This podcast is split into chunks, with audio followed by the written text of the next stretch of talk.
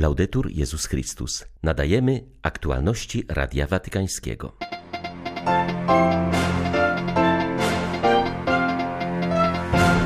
O zastosowaniu zasady synodalności w procesach kanonicznych mówił papież na audiencji dla roty rzymskiej. Dzisiejsze wojny to efekt dobrze zaplanowanych i systematycznie wdrażanych działań, powiedział szef watykańskiej dyplomacji podczas modlitwy o pokój na Ukrainie. Zmiana podejścia Kościoła do nadużyć i wyposażenie go w skuteczne prawa to zasługa Benedykta XVI, przypomina dyrektor programowy watykańskich mediów, przestrzegając przed instrumentalizacją raportu o nadużyciach w Monachium.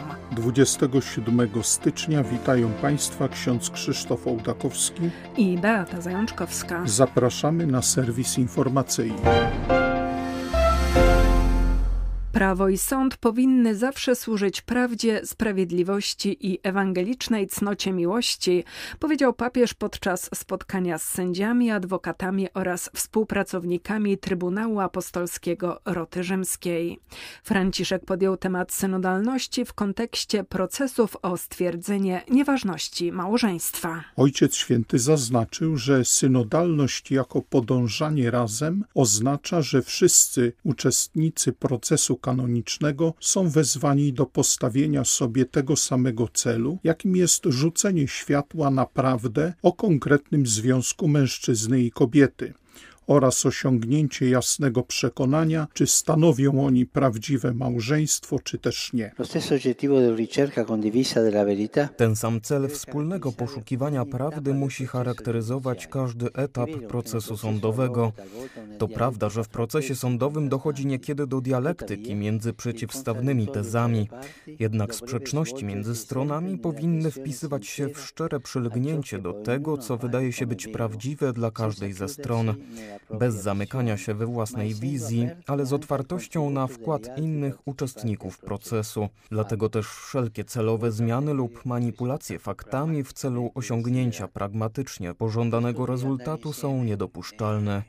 Dotyczy to stron i ich pełnomocników, świadków wezwanych do zeznawania zgodnie z prawdą, biegłych, którzy powinni służyć swoją wiedzą w procesie, a także w sposób szczególny sędziów.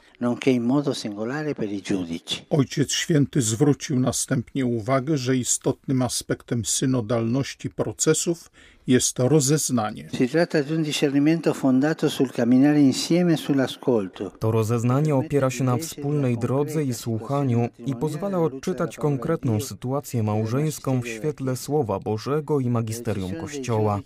Decyzja sędziów jawi się więc jako sposób wejścia w rzeczywistość wydarzenia życiowego, aby odkryć w nim istnienie lub brak tego nieodwołalnego wydarzenia, jakim jest ważna zgoda, na której opiera się małżeństwo. Rezultatem tej drogi jest orzeczenie, owoc starannego rozeznania, które prowadzi do autorytatywnego słowa prawdy o przebytej drodze, uwydatniając nowe możliwości, które mogą być otwarte. Wyrok musi być zatem zrozumiały dla osób uczestniczących w procesie. Tylko w ten sposób stanie się on momentem o szczególnym znaczeniu na ich ludzkiej i chrześcijańskiej drodze.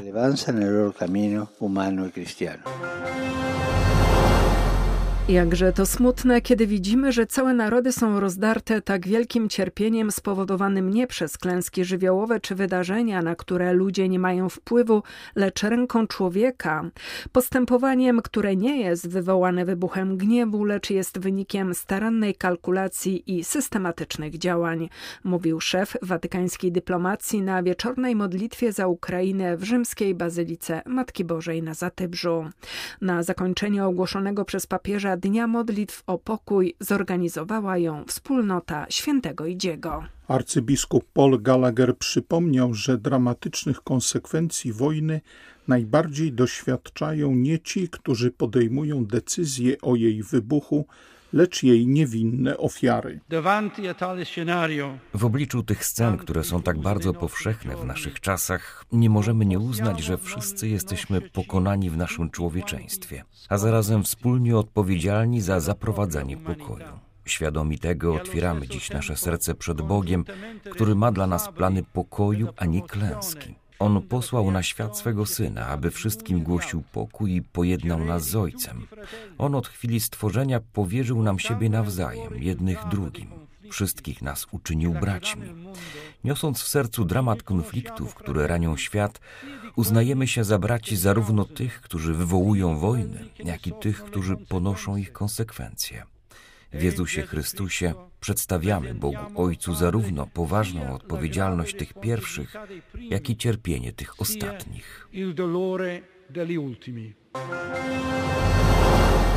Dyskusje wokół raportu z archidiecezji monachijskiej nie mogą sprawić, że zapomnimy czy wymarzymy to wszystko, co Józef Ratzinger zrobił w ostatnich latach pontyfikatu Jana Pawła II, a potem jako papież w sprawie nadużyć, mówi w rozmowie z Radiem Watykańskim Andrea Tornielli. Przypomina, że to właśnie on ustanowił najsurowsze prawa przeciw pedofilii, a nade wszystko dał przykład całemu Kościołowi i wszystkim biskupom, spotykając się systematycznie z ofiarami nadużyć podczas swych podróży po świecie. W ten sposób pokazał, że potrzebna jest zmiana mentalności, a ofiary nie są wrogiem Kościoła, lecz osobami, które trzeba przyjąć i okazać im troskę. Zastrzega on również, że ogłoszony w ubiegłym tygodniu raport nie jest wynikiem dochodzenia sądowego.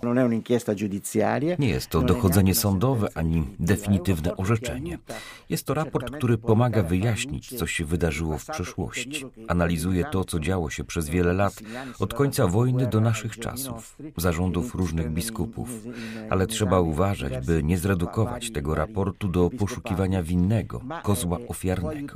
W ubiegłym tygodniu mówiono jedynie o papieżu seniorze. I trzeba też uważać, by nie zredukować tego raportu do pewnych uogólnień. Zawsze istnieje takie ryzyko, kiedy bada się jakąś rzeczywistość bez odpowiedniej hermeneutyki. Nie dlatego, że w przeszłości nie było jasne, że nadużycia względem nieletnich są czymś potwornym, straszną zbrodnią. Było to oczywiste 40 czy 50 lat temu, ale sposób radzenia sobie z tym problemem, prawa, którymi dysponowano, wrażliwość i mentalność uległy dzięki Bogu głębokiej przemianie i zmieniło się to dzięki pontyfikatowi Benedykta XVI.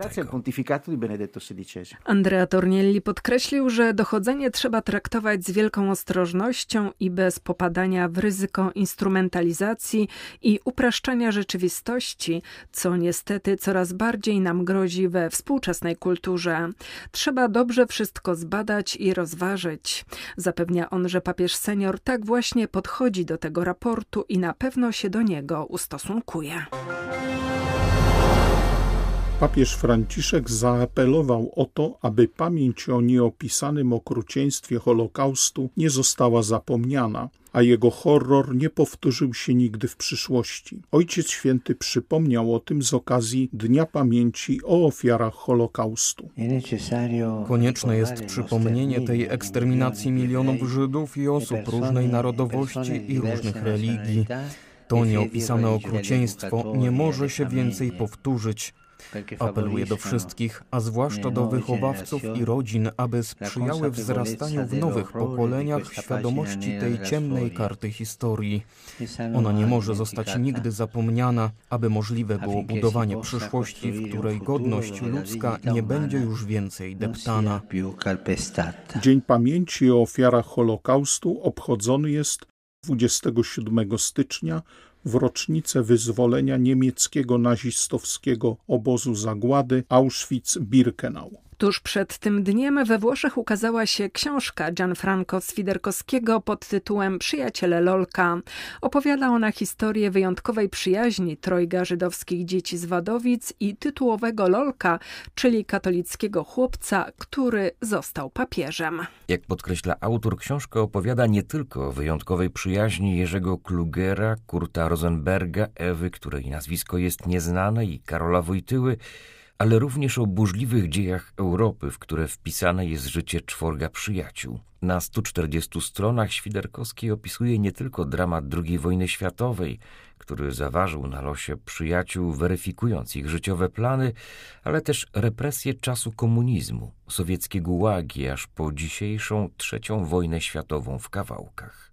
Zamierzeniem autora było podkreślenie mocy więzy przyjaźni, których nie przerywały nawet bolesne doświadczenia historii. Pisze o ich wyjątkowym spotkaniu, gdy po latach wszyscy odnaleźli się w Jerozolimie. W czasach, gdy przemoc i nietolerancja z wielką siłą wkraczają do życia ludzi, narodów i krajów, trzeba na nowo odkryć emblematyczną moc braterstwa, którego dowodem jest życie przyjaciół z Wadowic, podkreśla Świderkowski.